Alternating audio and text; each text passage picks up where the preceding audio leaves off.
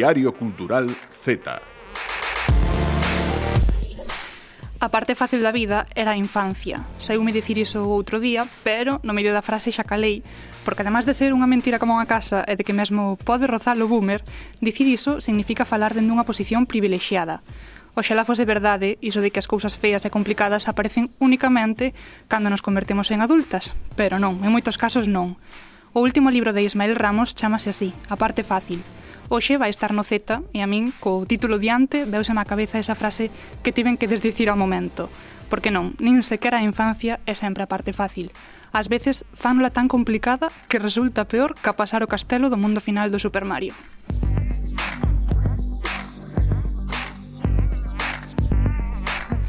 a parte fácil deste programa era que Lucía Junquera gobernara o timón, pero somos vosas, sí, gustanos complicar o asunto, pero seguimos estando xuntas. Lucía, moi boas, que tal? A mí, mentras non me botedes, Eso nunca. Eu aquí no lado esquerdo, que onde me sinto máis cómoda, no lado dereito, Marta, no non sei se te vexo no, a ti moi cómoda. Non eh. me gusta, eu tamén quero estar no lado esquerdo. Para a próxima cambiamos No, Outra a mí non me cambides máis vale. de sillas, eh, que estou moi Para enredar aquí. aquí a xente que nos pon o letreiro co nome pro YouTube. Claro, eso é complicado. Despois, despois Non lles parece moi Claro, despois ti dis cousas que igual nun futuro lle afectan a Lucía, porque pon Lucía Junquera de baixo. Claro, sí, se non se me coñece a cara, digo, esta.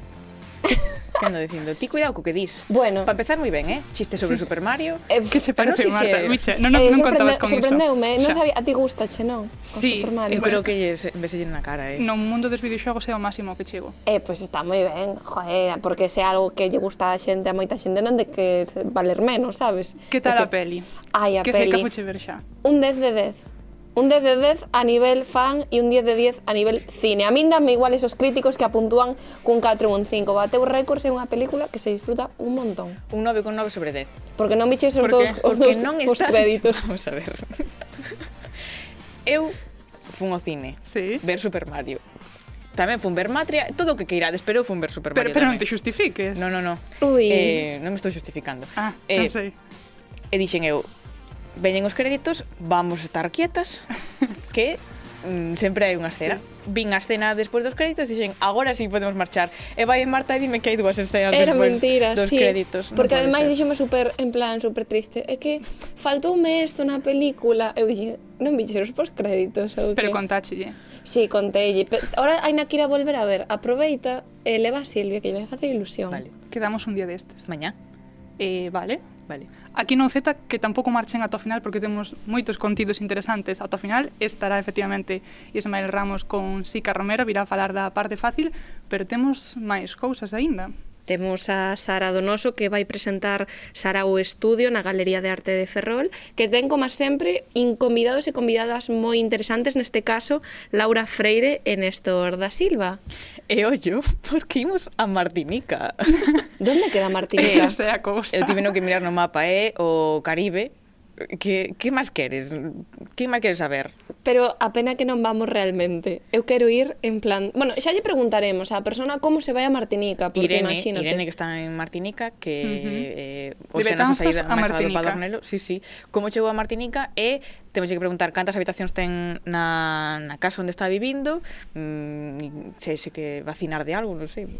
As cousas sí. prácticas para ir, digo. Sí, sí, a saúde prioridade neste programa. E para rematar, recuperaremos esa sección de música catalá que prometemos e nos aquí cumprimos. Así que imos comezando. Música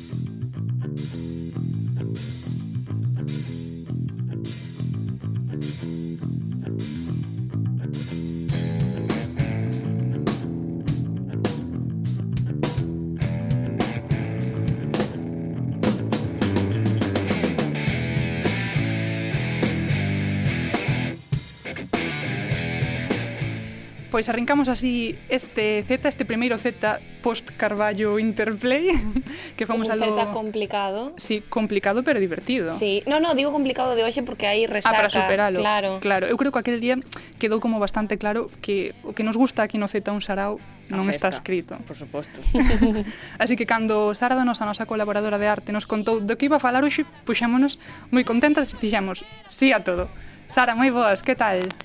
Moi boas, un sarao sempre está ben, e un sarao de arte mellor todavía, non? Como é un sarao de arte, claro. para empezar? Un sarao moi grande. Bueno, desta vez ata Martínica non, pero imos ata Ferrol, que xa sabedes que Ferrol mola, así que tampouco tan mal. E, e para corroborar justamente que ali pasan cousas, non? E, e que unha vez máis é a xente nova a que ten moito que contar. Imos coñecer para estudio, que é unha iniciativa de Laura María Freire e de Néstor da Silva, E que nace hai algo máis dun ano, pero logo vai engadindo diferentes cousas. Nace como un espazo de divulgación da arte, onde se partillan ideas, se debate, se desenvolven proxectos. Bueno, é moi complicado de definir porque son moitas cousas, así que mellor que non lo conten pois as protagonistas, non? Mm, que é mellor que eles para describirnos o que é ese sarau tan grande do mundo artístico. Laura Freire, moi boas, que tal? Hola, boas tardes. E moi boas tamén Hola. a Néstor da Silva, que está con ela. Hola, que tal? Entón, Laura, a ver, intenta explicarnos de maneira que podamos entender que este será o estudio. vale. Pois Sarao Estudio, nun primeiro lugar, é unha galería de arte, unha galería ao uso, unha sala de exposicións de venta de arte, mm. pero queríamos que fose moito máis cercana a xente, ao público, e, e bueno, pois mediante distintas actividades, e, e, obradoiros, presentacións, e mesmamente no, no trato, no día a día, pois eh, facemos esa, este traballo de achegar o arte a todo o mundo, independentemente do seu pois, nivel de estudos, interese, eh, facelo moito máis cercano e tamén eh, dende outro lado para a xente que expón pois que non teñan que ter unha gran experiencia, nin moitísimos anos detrás, senón moito talento e moito traballo. Uh -huh. Facelo máis accesible, en definitiva. Eso é. Uh -huh. Sara, pois deixo todo a ti con este Sara un pouco. Moi ben, pois nada, hola Laura, Néstor, benvidos todos no. Zeta. Eh, bueno, agora estades en Ferrol, pero o proxecto iniciouse en Pontevedra, non? E foi medrando, de feito, así que, bueno, quería que nos contarades, Néstor, como foi este primeiro ano, como foi medrando ese proxecto voso. Eh, moi ben, pois sí, eh, como ben dicides, o proxecto o tiñamos proposto para levarse a cabo en Pontevedra, pero finalmente tivemos que voltar a Ferrol eh, non queríamos deixar de facer o, pro, o proxecto porque creíamos que era moi importante leválo adiante, ten unha labor que creíamos que, que era moi necesaria. Pero, bueno, este ano foi pois moi complicado, pero mentras non tiñamos un local físico sabíamos que o traballo que fixésemos a través das redes era importante para, para, para deixar claro as nosas intencións, comezar a facer contactos, darnos a coñecer, eh, e para que agora que xa temos un, un, un local eh, pois pois levar todo isto xa recorrido e poder facer as cousas pois moito máis sinxelas. Para ir construindo pouco a pouco pois un público non que estivera un pouco atento tamén das vosas redes eu estive a mirar diferentes posts que poñades, logo logo falaremos diso, pero tamén moi interesantes. E de feito hai nada que, que inaugurache desa primeira mostra do local, que é unha colectiva construída a partir dunha convocatoria pública que polo que sei tivo bastante éxito e, uh -huh. e bueno, vos animou tamén incluso a ampliala máis no, no máis que o tempo previsto, non? Uh -huh. Sí, eh, pois non, non esperábamos esta acollida, verdade? eh, iba a ser algo pois sinxelo de inicio. Eh, chegaron máis de 80 artistas con máis de 100 obras de todo España. Entón, ainda seleccionando quedaron sobre 40 artistas. E decidimos eh, repartilo en tres, tres exposicións de 15 días cada unha a, a primeira remata esta tarde. Eh, mañá imos inaugurar a segunda parte eh, bueno, fala un pouco de, de ser artista. Era a premisa da convocatoria, eh, o dividimos en, como en tres momentos do camino do artista. O primeiro é sentir, sentirse artista. O segundo é como explorar o que é ser artista, eh, como podes ti ser artista.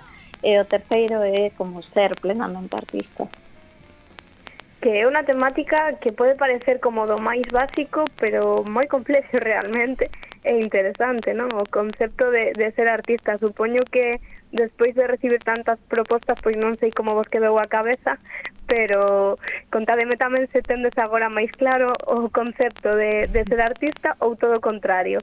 Non sei, supoño que houve moitas, moitas lecturas, moitas afeccións, non moitas achegas sobre alrededor desta idea, Néstor. Exacto, eh, a proposta eh, era básica, pero justamente por isto eh, permítenos ter unha visión moi moi amplia eh, non lle pecha a porta a ninguén porque todos os artistas teñen algo que, que dicir sobre cal é a súa a súa visión sobre sobre isto.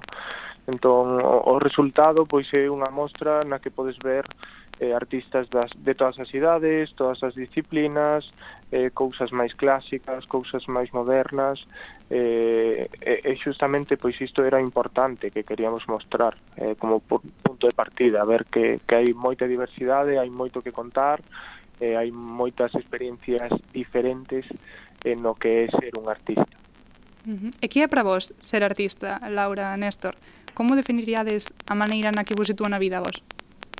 Wow, eh, pois ser, pois ser artista é é unha forma de ser, do ser máis pleno, creo eu, é unha forma de de ver a vida, de sentir as cousas, de pasar polas experiencias e, e de expresalas finalmente, pero parece que a expresión é, é o único que te converte en artista, pero en realidad hay como todo ese pues todo ese proceso que decíamos ese camiño detrás ata ata que chega a expresión material pero eh, é, é unha cousa do, do día a día eh, crees algo ou non uh -huh.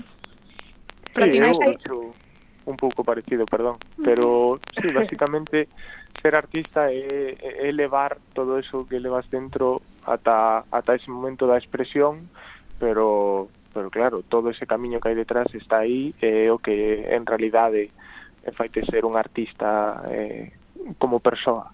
Mm. Supoño, Sara, que ti tamén concordas en moitos aspectos con iso. Sí, sí, justamente, non? É como un pouco tamén esa, esa capacidade de ver o mundo de outro xeito, de achegarse pois á realidade máis cotiá desde un punto de vista pois pois diferente, non? De, de mirar as cousas que normalmente pasan desapercibidas eh, e a partir delas eh, fai, faise un clic na mente e, e chegar a crear algo a partir disso, non? É moi complexo de explicar realmente, por hmm. iso parece un tema curioso. Eh, tamén quería lles preguntar un pouco, volvendo a Sarao, non? Eh, definidos como unha quelarre, unha celebración da arte formada por persoas e, eh, e pensada para todo o mundo, Non sei se para vos isto ten que ver precisamente con fuxir dese aspecto quizáis máis hermético da arte. Sí, sí, totalmente. Eh, eh, pensamos moito o nome, vimos moitas voltas, tiñamos eh, sinónimos, pero foi o que máis nos convenceu o, o de Sarao, así, porque non, non é só unha reunión, senón que tamén é pois o que dicimos desenfadada, polo tanto non te non é tan hermética, eh, non é tan elitista tampouco, nin tan fría, senón que é algo pois super sociable, super cercano. Eh, como estades a construir os vosos contidos? Non? Primeiro penso nas redes sociais, en post pois que subides que se non se centran nun sector ou nun tema concreto, senón que engloban dende arte, deseño, cinema filosofía tamén, temas de actualidade, que ao final é o que estamos a falar, a arte é un concepto que, que ten que ver e que absorbe todo o que hai ao noso redor, non? Eh, e logo como ides levar tamén todos estes contidos das redes ata, ata a proposta do, do local, a partir de obradoiros, de presentacións. Ajá, pois, bueno, eh, a verdade é que é algo máis simple do que poda parecer, porque bueno, ao final todos os temas eh, son cousas que falamos no día a día, xa sexa en, entre nos, entre nos mesmos ou cos nosos amigos, e son cousas que, que van cruzando o noso camiño e que ás veces parecennos interesantes como para compartilas coa xente que nos sigue. Eh, bueno, tamén son temas de actualidade que, te, que creemos que, que, que teñen un potencial para falar eh, coa xente, eh, compartir opinións sobre todo, porque nós creemos que é importante eh, posicionarnos sobre temas eh, que poderían ser polémicos, eh, porque ao final eh, detrás de Sarao hai hai persoas que teñen as súas opinións, que teñen as, os seus ideais, entón pois queremos que é unha maneira de, de, de acercar ou de mostrar esa cercanía a xente, ver que, que a arte é eh, pois unha maneira diferente de ver a vida, pero non é unha maneira máis fría ou máis mm, elitistas, senón que a xente normal eh, tamén pode vivir como unha persoa normal, aínda mm. que lle interese a arte. Mm -huh. Dende aquí, dendo Z, convidamos a todas as que nos estén escoitando a buscar no Instagram a, o perfil de Sarau Estudio, que se chama ao revés xusto Estudio Estudios Sarau, porque teñen uns posts. A verdade é que mm, moi divulgativos do mundo da arte en xeral e tamén van informando aí pois, dos obradoiros e talleres que van programando no seu espazo. Por exemplo, o día do libro o vindeiro 23 de abril van ter un taller de escrita de 12 horas. Así que eh, Laura, Néstor, idevos preparando para ese día que vai ser a cousa así un pouco intensa. Moitísimas grazas por estar aquí hoxe con nós. Gracias, a vos. Foi un placer. Moitísimas grazas tamén a ti, Sara, por ternos aquí este pequeno sarao. Graciñas. Escoitámonos pronto. Thank you.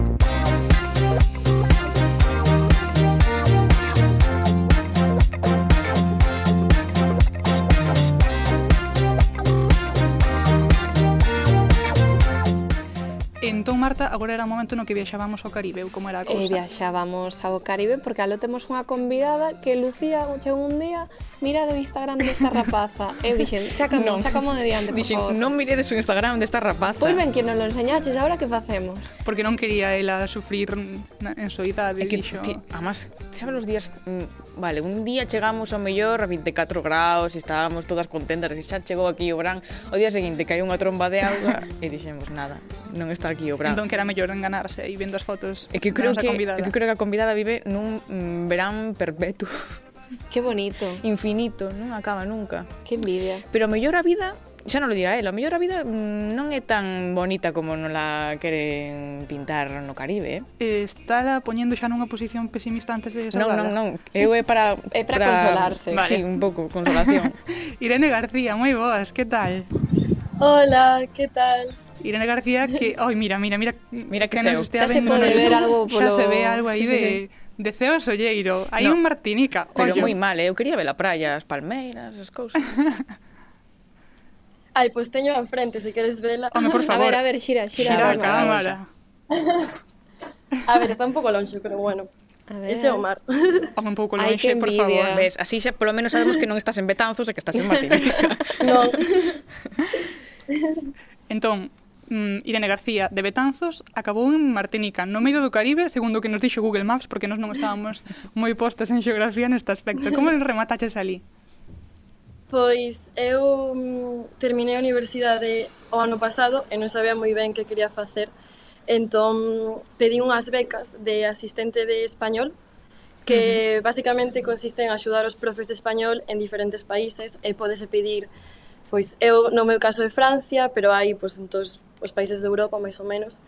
Eh, pedín as beicas, eu sabía que Francia tiña algúns territorios no Caribe que eran parte de Francia actualmente, pero que eran antiguas, antigas colonias, pero tampouco sabía moi ben onde estaba Martinica.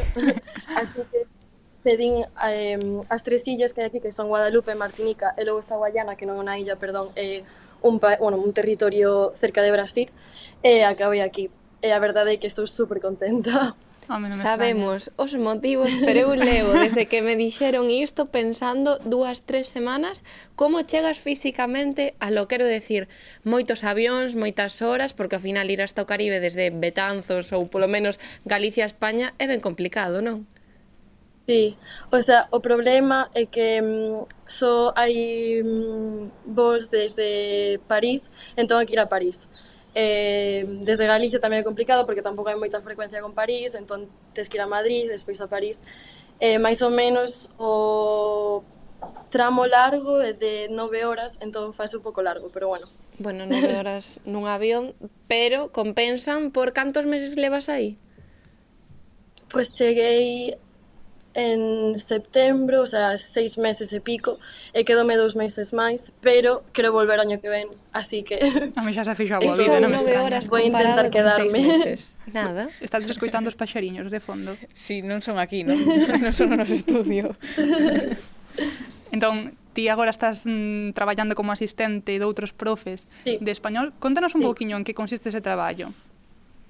Pois, a, en teoría, nós temos que mm, asistir ao profesor na súa clase, é dicir, non temos, digamos, a capacidade e autoridade de estar dando a clase, preparar as clases, examinar, eh, pois eso, ser como profes, como, como son eles. Pero despois, tamén é verdad que mm, cada instituto, cada centro fai un pouco como pode. Eh, no meu caso, eu traballo con rapaces que teñen de 11, 12 a 17 anos, máis ou menos, estos soa con eles, dou a clase completamente independiente. Uh -huh. Entón, pois, por unha parte está ben porque axúdame a adquirir experiencia neso, pero tamén é que os nenos aquí son moi... son buf. que quere dicir ese buf? pero bueno, porque son moi activos, a xente aquí teñe como outro, non sei, é como están todo o día cantando, no que non paran. Son moito peor que nosotros. Eu en Betanzos xa pensaba que no meu instituto éramos vamos, pero... Entón, va, cando, va, cando nos falan da fama que temos o, o, os españoles, os portugueses, os galegos, sen ser barullente, sí, barullentos, sí. festeiros, persoas que falan alto, Martinica tamén. Estás como na casa, podemos decir. Sí, sí, sí, totalmente. Están Era máis que teñen obras, eh, en Martinica. sí, sí. sí no, es que neste edificio vivo con moitísima xente. Entón sempre hai algo pero mm, um, é xente moi moi cálida, pero a vez a vez tamén son moi tranquilos. Aquí é moi normal sentarte a tomar algo e que tarden a súa media hora tranquilamente en, en tomarte nota para certas cousas. O sea, pero que é o máis normal do mundo. Na, no supermercado é unha cola sempre, pero a xente vive moi tranquila. Home, claro. Hai moita calma. Como non van a vivir tranquilos con praias por un lado, palmeiras por outro, bo tempo, é como un mood de verán constante, a mi pareceme. Sí. Eu non quero romper o meigallo, pero hai algo que non che guste. A ver, a vida é moi cara, incluso se mercas produtos locales e tal, sigue sendo moi moi caro. E despois tamén non sei, a ver, por unha parte está eso, logo non hai todas as cousas que temos en, en España ou Europa, pois non hai un centro comercial, pero non hai casi mm, tendas, eh, todo o que queras pedir de internet tes que, te, tes que pagar aduanas, entón é moi caro tamén. Entonces como que está todo máis limitado, pero eu sinto que eso axudoume a apreciar as cousas máis simples e máis pequenas que teño ao meu alrededor. Entonces como que se compensa. Non é un sitio no que viviría toda a miña vida, ni mandaría aos meus, aos meus fillos ao colexo aquí, porque estou vendo como a educación e tampouco que sexa moi igual de da mesma calidade que en España, uh -huh. pero sí que é un lugar guai para vivir uns anos con eh, cada idade que teño eu. En eses anos, nesta idade que temos nós, que sitios nos recomendarías? Non só praia, sitios a visitar, non sei se hai monumentos chulos, algún museo, non sei como é a vida cultural por alo. Eh, pois a ver, Para empezar, é unha cousa que destacaría un montón da, do que fai Martinica un pouco diferente ao resto das illas que hai aquí na, nas Antillas, eh, é a música. A música aquí é, é forma unha parte enorme da cultura da, da identidade da xente tamén, porque mm, o plan típico dunha familia martiniquesa no fin de semana é ir á praia, eh, colocar as súas mesas plegables do Decathlon, as súas sillas, eh, estar ali e sempre con música, sempre, pero a todas horas. Eh, a mí me parece super interesante porque sí que é verdade que os turistas que están aquí, que son ser xente de Europa, uh -huh. mm, non lle gusta que, por exemplo, est estar na praia, escoitar música todo o rato, pero eu creo que forma moito parte da, da, da xente daqui. Eh, a música do Caribe, o dancehall, eh, que é originario de, eh, de Jamaica, de Jamaica, pero mm, na Martinica hai moitos DJs, moita xente que pincha e que mm, crea un novo estilo de dancehall e que cada vez estáse facendo máis grande, escoitase máis en Francia, de Europa. Entón, creo que o panorama cultural de aquí é moi interesante tamén. Entón, por tomar nota, se algún día vamos, se algún día somos capaces de chegar a Martinica, que o gallá, que sitios nos recomendarías para disfrutar desa música ou non sei se coñeces artistas que nos poidas decir. Pois, eh, por exemplo, hai DJs como Natoxi ou DJ Killers. Son xente que colle pois, eso, música de diferentes zonas de aquí e pincha, e, fai o remix, e eso po podelo encontrar en Spotify ou en YouTube, creo que máis en YouTube. Eh, e despois de visitar, Obviamente están as praias máis típicas, máis turísticas e tal, pero eu creo que o máis bonito de Martinica son os sitios máis salvaxes, máis no norte onde apenas vive xente, que son praias con, mm, con as palmeiras super altas, un montón de cocos, é super, super, super bonito. E tamén eh, os ríos. Os ríos aquí son mm. -hmm. super bonitos. Hai lianas, tes que te podes tirar para os ríos, super guai. que guai. o sea, nas películas así, que, así igual. Non quedarse con Eh, que podes encontrar en internet e falar con xente de aquí, porque coñecen os sitios guais tamén. Mm. E que tal a gastronomía? Que, de que te alimentas? Que bebes tamén? Non sei se algunha bebida mm, típica de Martinica, algo así. O ron. ah, vale, claro. claro. A ver, un coco... Eh, típico de Martinica o sea, e, e típico de, no, pues, do mundo, vamos. pois, a ver, de comida, o seu plato máis típico pois, pues, ser eh, pescado, que um, o cociñan de diferentes formas tamén eh, que máis? Hai unha cousa que se chama acras, que é parecido ao que comen en Portugal, como os, os puñeros de bacalao, mm algo así. Sí. Eh, eso tamén é super típico, en Pascua, ahora por, por Pascua, comen cangrexo, mm. así que un pouco pois, pues, o que teñen por aquí. Hai tamén moitas frutas diferentes e sobre todo xeados. Todo o día comendo xeado. Tortilla de betanzos, non? Non, fágola eu. Ah, eh, aí estamos. Eh, e, eh, e fala moito por alá. A, a xente sabe o que é a tortilla de Betanzos. As miñas amigas de España, sí. Sí, sí. Mm. Pero despois, bueno, o que é moi gracioso é que eu traballo con un profe eh, de español no instituto no que traballo que mm, fixo o mismo que eu en Burela.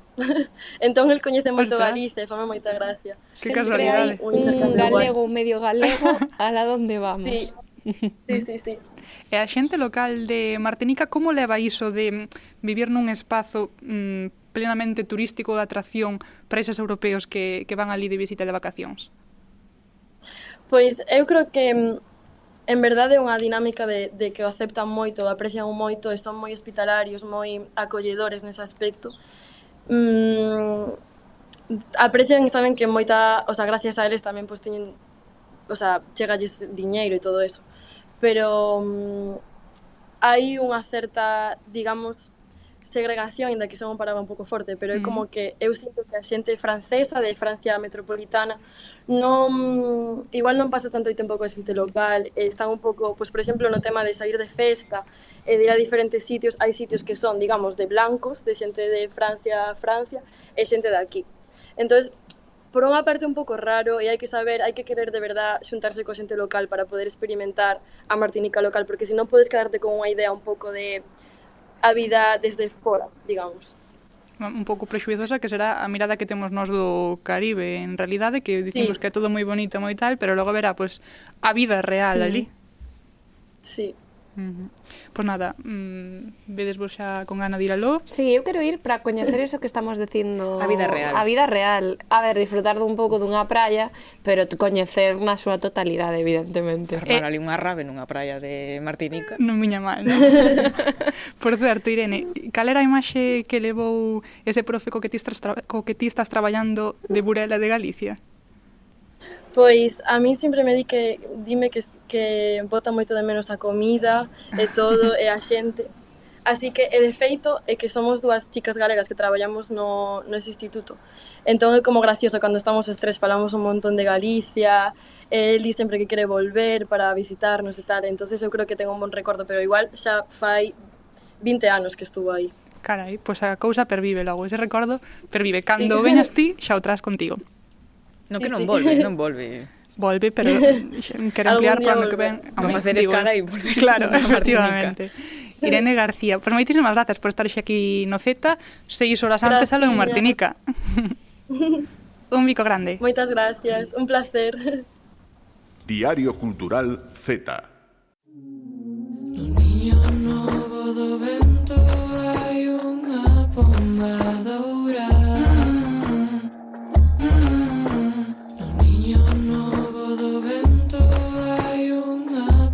my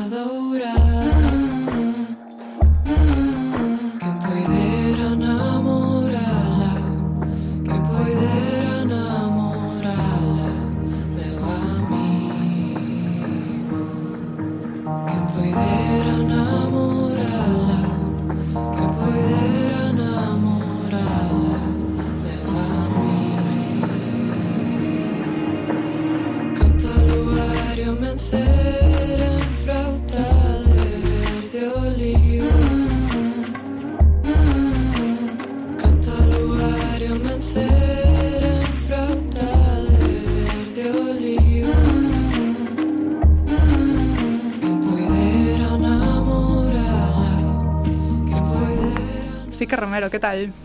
Moi ben. Veixote aí co chirimbolo este... Que partido lle saca, eh? Sí, sí. A o ver. chirimbolo, ahora xa é o chirimbolo. O outro día que xe non lo roubar, eh? Vamos a dicir todo. Dio, dio, eh... dio. Se queres facer o meu papel completo... Sí, hai que acusar que aquí acusar a, as colaboradoras. As colaboradoras. Por favor. O repousa libros eh, que o repousa libros pero... metino na, na mochila. Dixen, para eh, casa. Foi totalmente inconsciente, o sea, sí. de verdade, eh, non A ver, que no... que tiñamos un regalo para ti, pero é eh, para ti para cando veñes aquí. Ainda por riba dixen, "Ai, a costume de meter as cousas e eh, leválas." Sí, non dixemos ah, nada, pero che gusta, eh. No. o caso bueno. é que o repousa libros está aquí, con o libro en riba. Isto. que culpa terá ela? Sí. Que libro tes hoxe entón? No repousa libros roubado? Ai, pois é que hoxe veño co cuarto, cuarto libro eh, dun premio nacional Eh, acabo de chegar ao cumio do, das miñas colaboracións aquí. Xa non volves máis. Agora xa só para baixo, mira. eh, Ismael Ramos, de Masaricos. Efectivamente, Benvido. de Masaricos Productos Ricos. De, de Masaricos. De aí mismo, de Masaricos Capital City. E aínda que tes unha longa carreira literaria, es do 94. Sí, polo que 94. andas aí non chegas nin a trintena, pero levas... Pero estou aí, está, está inminente o tsunami, lo imposible. Cala que aquí estamos o sea... igual.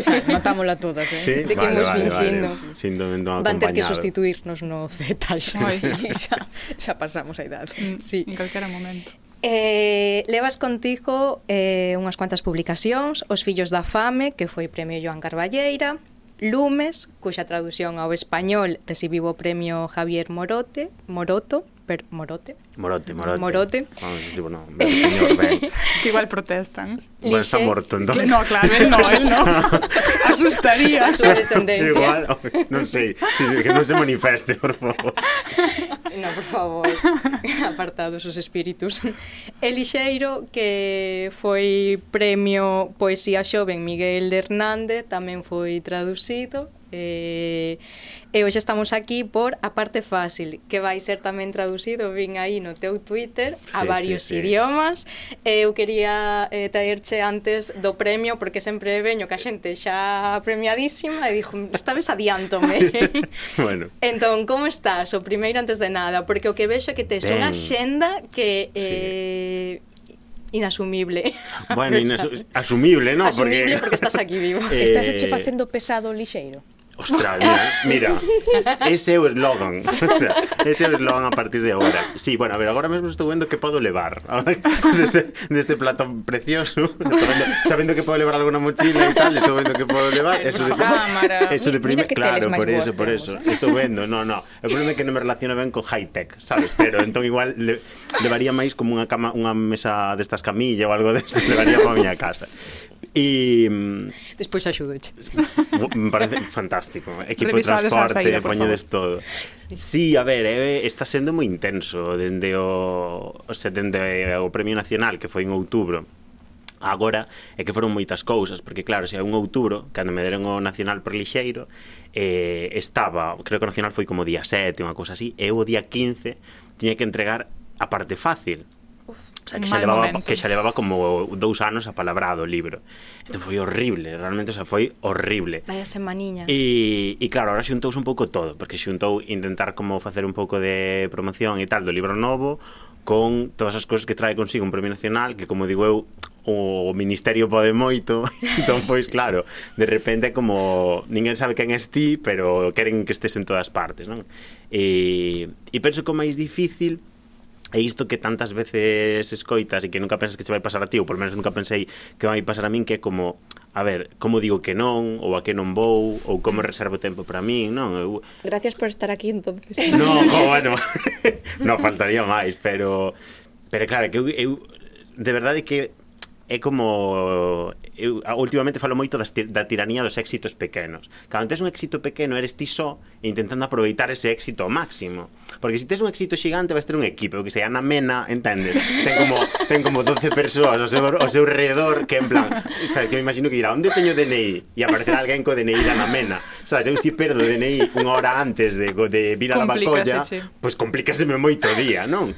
E, e iso realmente, o sea, iso é o resumo de todo, de que é como un axetreo constante, dende entón, E bueno, moi feliz ás veces e outras veces pois eh, dicindo atas narices, non? O sea, eu xa, sí, sí, sí. É que sí. ti ademais tes que combinar esta profesión que tes agora de eh, sí, ir a milleiros de entrevistas, eh, grabacións, cousas, bueno, promocionar diferentes libros co teu traballo. Claro, claro, eh, sí, sí, eh, é que sendo máis, profe. Eso que... vamos, eu tantas veces escoitei na miña casa eso que, que bueno, miña avó dicía moitas veces, meus, meus avós teñen un bar onde hai tamén unha, bueno, un posto de loterías e tal. Uh -huh. Entón miña avó dicía moitas veces iso de que gañar a lotería non quita a ninguén a pobre, uh -huh. non? Pois pues a min gañar o nacional non me quitou de pobre, entón claro. O sea, Hai que eh, traballar. Eh, teño que traballar igual, non teño o meu traballo. Bueno, todos os escritores e escritoras en realidade temos sempre un traballo que é o noso traballo de verdade, que é o que nos dá de comer e nas nosas vacacións escribimos e no noso tempo libre escribimos e intentamos facer diso outro traballo, non? Que nunca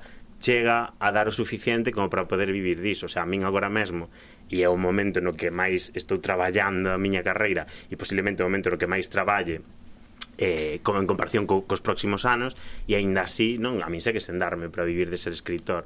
Entón, bueno, é unha situación que, que penso que todo o mundo coñece, que asumimos todas e todos con resignación e, e que se vai complicado, pero bueno, aí é cando tens que aprender a renunciar e a dicir pois claro. que non a certas cousas, non, pero Claro, lévalo valo levando mellor o de o dicir, dicir que non. non. Pois non, levo no, fatal. fatal. eu levo fatal e bueno, o sea, a xente que vive conmigo, o sea, a miña parella leva fa peor que a min aínda, non, pois pues imagínate. Non estás. A primeira semana do nacional había dúas opcións ou el se convertía en servicio doméstico ou, claro, ou comíamos todos os días Uber Eats. Entón, entón claro, o sea, mm, entendes, bueno, nada. A ver, resume, se, se non che dá para pagar eso ver, unha semana tampouco. O resume era que, no, o sea, o meu rellano é moi grande, non está a miña parte, bueno, pues o repartidor do kebab nunca dudaba. Sabes? Se, se sabía onde, onde estaba exactamente o piso. Claro. É que despois todo o mundo di, porque isto sí que, como estás en todas partes, bastante xente fala de ti, e sempre sai iso de, é que que riquiño Ismael Ramos, porque ah, sí, dá... Eso. Sí, sí, vai, eso vese. Ademais, veuse, bueno, eh, eso en Twitter de outra xente, así, que eu vin por unha parte super tranquila hoxe e dixen, mira, se riquiño é riquiño, non? Sí. Pois pues, malo será. Pero claro, intento, tamén intento. eh, vas veces, sí. eh, pois... Pues, Pese Oye, a quen lle pese, a mellor hai que... Bueno, xe que lle eches hmm. meu vai, eh, que fai dúas semanas tiña... Sí, sí, que fai dúas semanas tiña un, un tirizo xigante como neste ollo, iba así como con cara de Quasimodo de Notre Dame pola vida, sabes? E eu intentaba ser riquiño, pero ao mesmo tempo era unha mezcla entre riquiño e enfermidade infecciosa, que claro que... Bueno, pero a mi habilidade levase dentro. Sí, e hubo humor, porque non te queda outra, claro. non? Eu que digo, eu, a ver, eu levo todo genial, porque porque teño, o sea, isto é algo que me ven no ADN. Eu son dunha familia de clase traballadora, moi traballadora, porque a hostelería é mm, moi moi sacrificada, non? Eu sempre digo que miña avó se xubilou aos 65 despois de traballar toda a súa vida de luns a domingo. Sí. Que é unha barbaridade, non? E como se sobreleva iso? Pois con moito humor. Claro. Sin vacacións. Sin vacacións, o sea, sin vacacións, efectivamente, sin vacacións, nunca. O sea, claro. imagínate E, e o mesmo meus pais, o meu pai si ten vacacións, pero por exemplo, sei, meu pai ten un contrato de 8 horas e traballa 16. Claro. Eh, como se leváis? Pois pues, nos fins de semana con moitas sextas e con humor. Pois claro. eu levo exactamente igual, aplico ese esa mesma esa mesma lógica. Mira, un dos temas eh, do, deste libro, da parte fácil, é eh, a precariedade emocional que está moi presente. Eh, hai personaxes tanto na adolescencia como na trintena que teñen en común mm, a falta de ferramentas para eh, afrontar eh, diferentes situacións da vida, non uns obstáculos, que por outra parte, bueno, esos obstáculos están aí por algo, que eh, xa é algo estrutural, poderían sacarse mil temas. Eh, tocache este tema, o da precariedade emocional, porque vin que falabas bastante diso e ao final une todos os, os contos do, sí. do libro. Eh, sí, va ver, foi moi curioso, non? Porque eu cando empecé a escribir o libro non tiña claro, quer dicir, non hai eh, eu nunca escribo con un tema na cabeza, o sea, mm. nunca penso que quero falar de determinada cousa, sino que aparece como unha escena e, e eu despois como que vou tirando diso, non? E, e acaban saindo... Eh, eh, por exemplo, eh, últimamente preguntan moito efectivamente polo discurso sobre a precariedade emocional, sobre o feito mm. de que aparezan o que sei redes sociais, sobre que apareza a saúde mental, etc. E di, bueno, pois non que innovador, que xa non é innovador, xa houve xente que falou disto antes, pero eu penso que quizáis a diferenza sexa que no meu caso non foi algo para nada consciente, mm. senón que é o mundo no que vivo, mm. o sea, en fin, non O sea, non hai máis. É o que estabas a falar, de onde saes, de onde ves, é o que... Claro, o sea, non ten... E si, sí, e as, as miñas amigas, os meus amigos, e que, de que temas falamos, o sea, que en que mundo vivimos. Entón, pois, pues, o que sea, por exemplo, decía que aparece unha, aparece unha conversa de WhatsApp, aparece un... Bueno, pues nada, non, con moita naturalidade, o sea, non ten...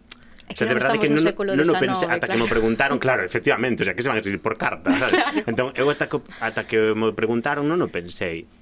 E con este tema da precariedade emocional pasa moi parecido. Me dicían os teus, eh, as personaxes non teñen ferramentas e tal. E digo, pois, pois non, non teñen ferramentas. Non? Eu penso que todas son personaxes que precisamente por un problema estrutural que é o mundo no, o mundo no que vivimos e, uh -huh e o enfermo que está o mundo no que vivimos, porque ao final eh, os enfermos e as enfermas non somos nós. Claro. O sea, o feito de que agora mesmo haxa, é certo que hai unha parte que ten que ver ca visibilización e por iso cada vez máis xente eh, cando ten problemas de saúde mental pois, eh, procura axuda, uh visibiliza eses problemas, pero tamén é certo que hai un aumento de casos e o aumento de casos ten que ver con que o mundo está pensado para, para enfermarnos en moitos sentidos a rapidez do mundo a, a cada vez maior eh, presenza das, das aparencias en redes sociais, incluso cando pensamos que conquistamos algo, que, que isto digo moitas veces, de repente, pois, agora estás visibilizando moito máis a comunidade LGTBI, etc, etc. Non, non está visibilizando, estás facendo marca, non? E, e, estás, e estás tirando proveito diso, non?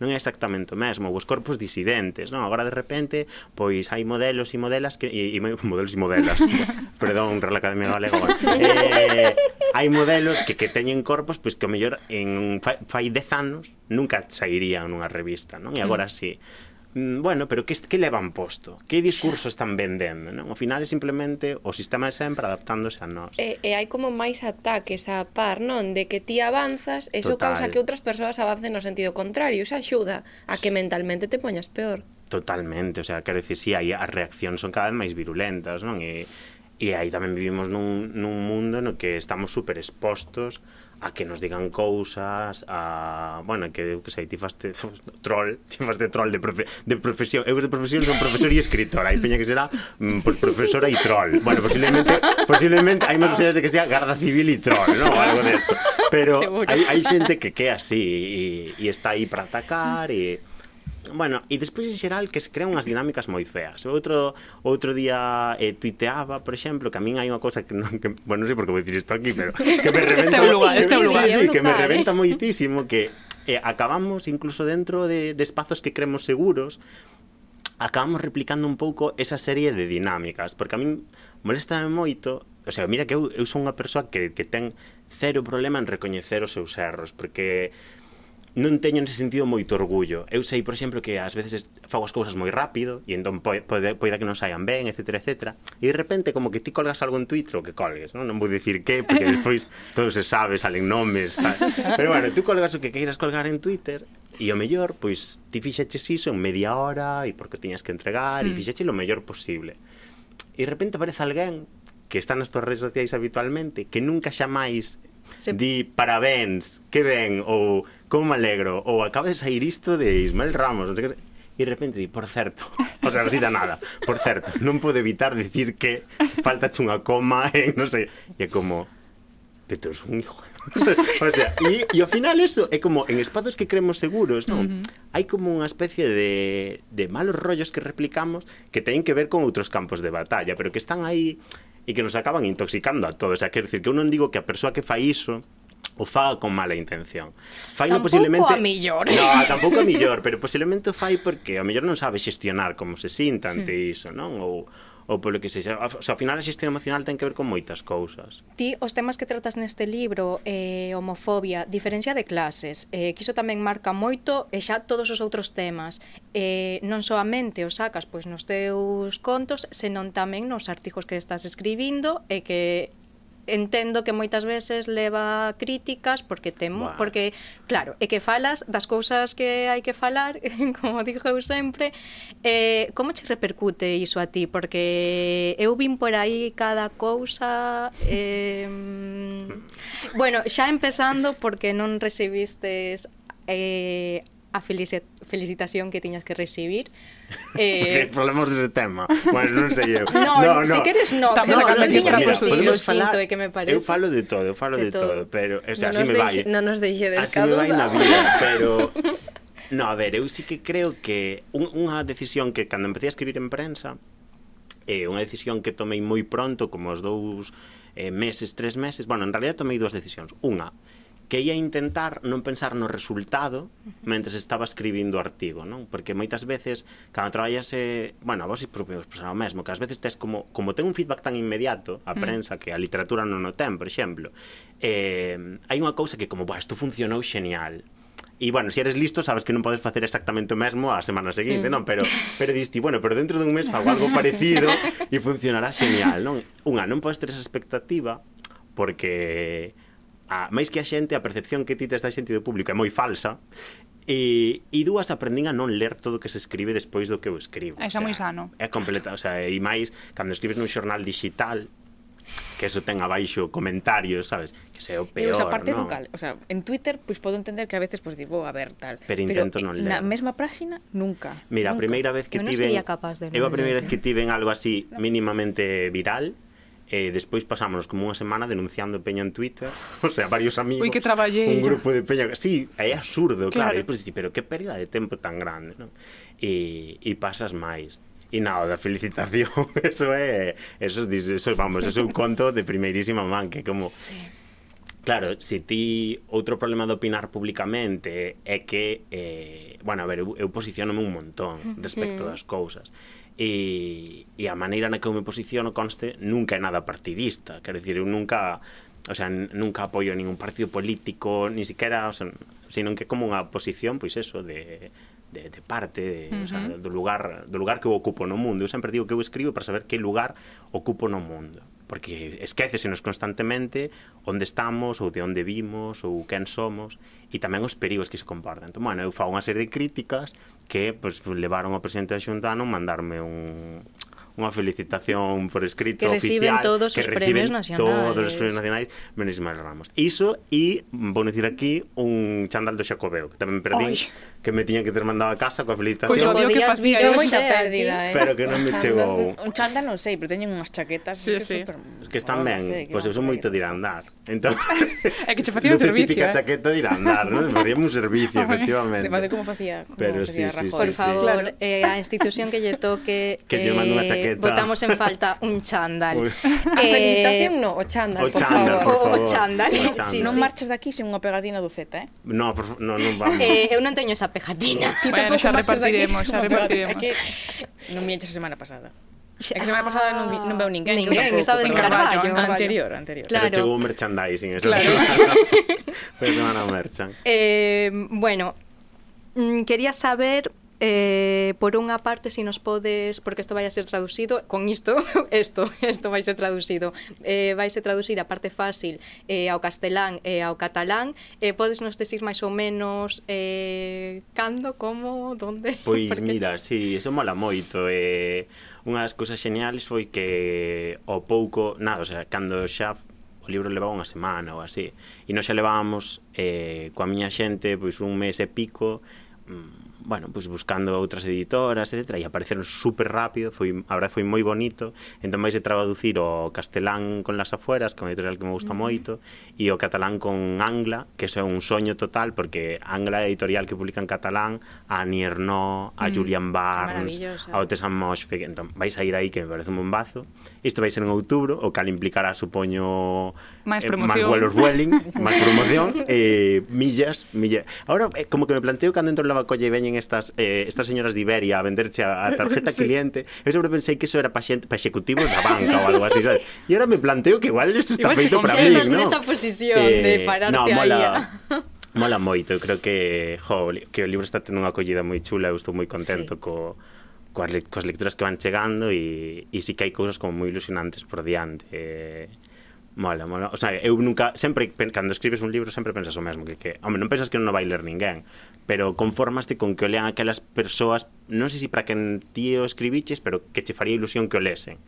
E, e bueno, despois chega un momento que iso se excede e todo o que veña maiores diso é Genial. alegría pura, non? Está habendo moi boa acollida, ademais eh, xente que empatiza moito cas personaxes, que poderíamos falar mm, 50.000 cousas das personaxes, como evolucionan o peso eh, das, dos papéis secundarios, de, das personaxes secundarias, eh, como se cambian os roles, é unha pasada, quedamos un pouco eh, curtos de tempo, eh, pero mm, non quería marchar sin preguntarche cal é o teu conto favorito.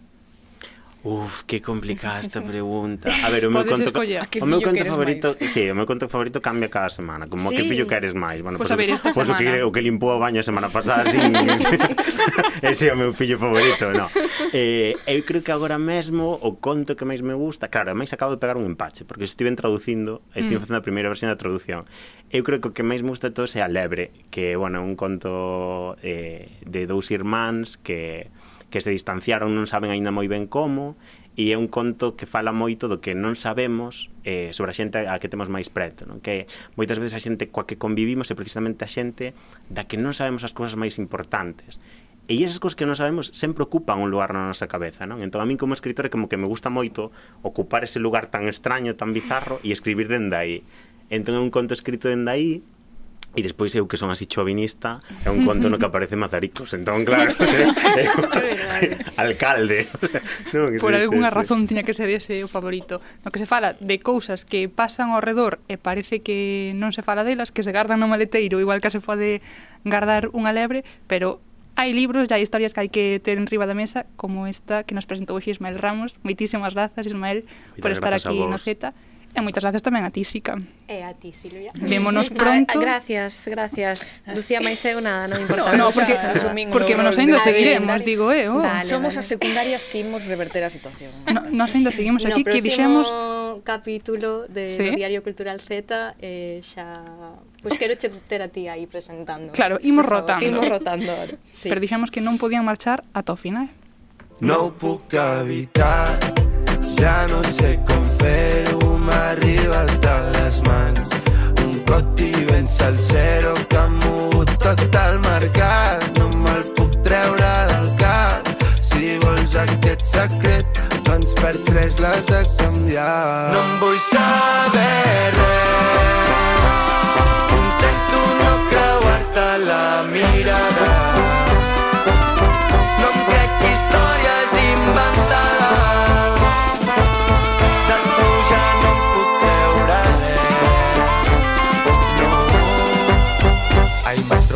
l'Aleix i em va dir que tenia cotis. Posseïa info, tenia bones refes. No sabia per què, però s'ajuntava les notis.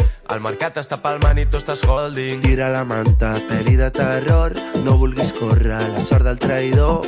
I és que et miro davant de la platja i em dius que no, que no, que no ho pots evitar.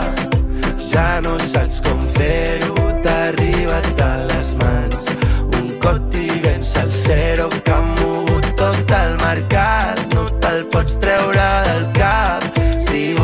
aquest secret per Vale, a ver, eu non sei se lembrades que esta canción foi unha das que puxemos no Z anterior ao Carballo sí, Interplay. Silvia, que pasa? Acabaches no, a... no, é eh, no. por un bo motivo. Claro, é que resulta que dende que dende que puxemos esta canción no Z non me para de salir en TikTok, en Instagram. Eres influencer. Puxo a Dulceida, eh? Claro, no, pero antes ¿Cómo? que Dulceida quen estaba? Quen claro, aquí estaba antes? o Z. Estás me dicindo que Dulceida escutou sí. o Z. Non estou dicindo, esta canción pero... de Silvia mm, vou poñer nun TikTok. Non o estou dicindo, pero se queredes entendelo así, non direi claro, claro. que non. Nos entendemos. Sí, sí, sí, sí. Eu entendo tamén como que eres máis influencer que Dulceida. Mm, Influes a, a influencer. Mm, ver, Casi no. Casi ya sabes no. que para min a mellor influencia eres ti sempre. Eh por favor, vou borrar isto logo cando se dite. no, pero dixen, mm, sendo así, aparecendo esta canción no TikTok de Dulceida no Instagram, pois pues haberá que recuperar ese feixiño de cancións en catalán que prometemos que habíamos traer e nos cumprimos. Así que, pois, imos traer esa promesa de volta e imos escoitar música feita por xente nova en catalán. Por exemplo, Estes que están soando e que cantan coti por coti chamábanse The Tides, como dixemos naquel programa, teñen novo disco. The Tides. The Tides, The Tides, si sí, é verdade. Eles díense a si mesmos The Tides mm, Depende do día. Sí. Son Cando catalanizan mal, máis é Tietz. Bueno, pois teñen un novo disco, Epic Solete, e aí está tamén outro tema co que gañaron o premio a mellor canción nos premios End Rock. Chámase De Lú al Que. I quantes coses han passat, crec que m'he enamorat. He sentit papallones a la panxa i m'ha escatat. Els meus CDs l'han tremat, a mi m'han embaucat. M'han fet jugar a un joc que diu... De l'u al que surts de mi aquesta nit, de l'u al que vas amb ressaca al partit, de l'u al que, de l'u al que, de l'u al que... De l'u al que surts de mi aquesta de Tietz de Lualque, pero imos cambiar agora para outro ritmo con Julieta. Ela é mm, de Barcelona do 2001, que me ofende, sei que isto é boomer, pero sigue me ofendendo. Gañou dous premios nesta gala dos premios en The Rock, o de mellor disco de artista revelación e o mellor disco de canción de autor polo seu álbum Ni Yum Ni Yuna. Ela estuda Enxeñaría de Sistemas Audiovisuais e iso é relevante neste caso porque di que lle gusta moito experimentar neste disco co son Faino, por exemplo, nesta canción, Trencame el cor. totes les coses que mai han passat. Tinc dins el meu cap i no pot sortir. Digue'm si és veritat, si penses en mi.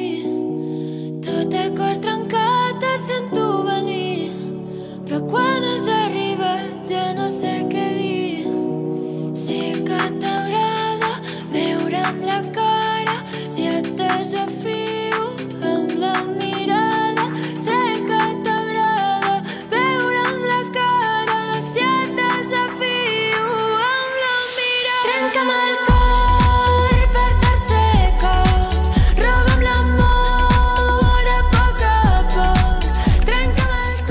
Chamase Julieta, está petando moito en Cataluña e agora copete tamén moito en Galicia, por favor. Dulceida, xa sabes. Claro. Podemos entender por que o peta, eh? Que chula. Mola moito, a que sí? Uh.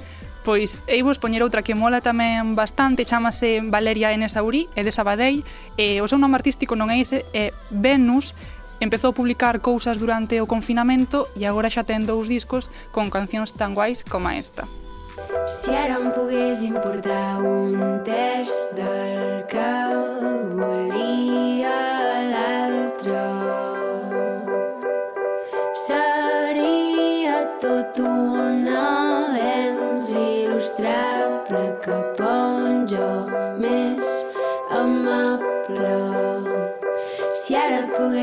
pogués contestar tot això en vers a les tantes no em podria treure pas les faltes i fer enfadar a Pompeu Fabra.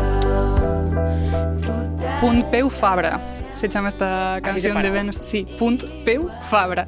Non a canta Venus soa neste caso, está acompañada de Maio, que é outra artista bastante guai, da que temos que falar outro día, iso queda xa para vindeiros programas, pero gustaríame despedir este Z mm, comentando que un dos moitísimos proxectos que ten e que tivo Maio é un que xa pois, ten uns anos, foi, non recordo cando, pero chamábase Aquelarre, cantaban case todo en castelán, non en catalán naquel, naquel proxecto, mm. pero mm, unha das cancións que gravaran de forma caseira, pois nunha terraza, creo que era, fixérase moi viral e eu quero poñelo xa aquí para rematar porque aquí tense que escoitar.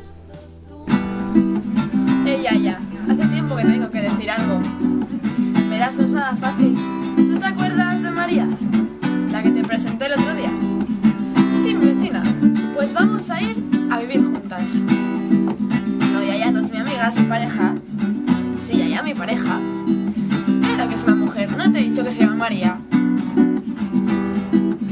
me salgas con que si Dios, nuestro Señor ni la Virgen del Pilar. Las mujeres también se pueden amar, hasta besar y follar. Y si ens ve de gust, hasta tener criaturas. Bueno, ya, ya. Confío en que algún día lo aceptarás. No somos amigas,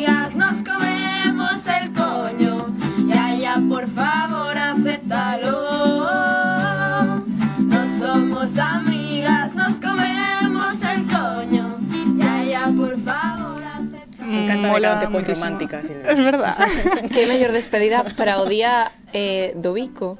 É verdade, cando se está gravando isto é o día é do, do bico. bico. Non decimos está que parte, fiado. pero hai bicos. Decimos lo que queiras. bueno, espero que o sair de aquí fagades unha playlist de música catalá con estas cancións que xa vos propuxen e con outras que quedaron fora, pero xa ides buscando, que o algoritmo vos vai recomendando cousas e logo xa recomendades tamén vos. A favor. A favor, sempre. A favor, a favor. Bueno, pois con isto imos pechar o Z. Moitas grazas ás dúas, moitas grazas Marta, moitas, moitas grazas veces. Lucía, grazas tamén a Bruno Area que estivo no control técnico, a Miguel Grandío e a Macarri Múndez na produción e nós volvemos a semana que ven con máis cultura. Nos coño, ya, ya, por favor, aceptaros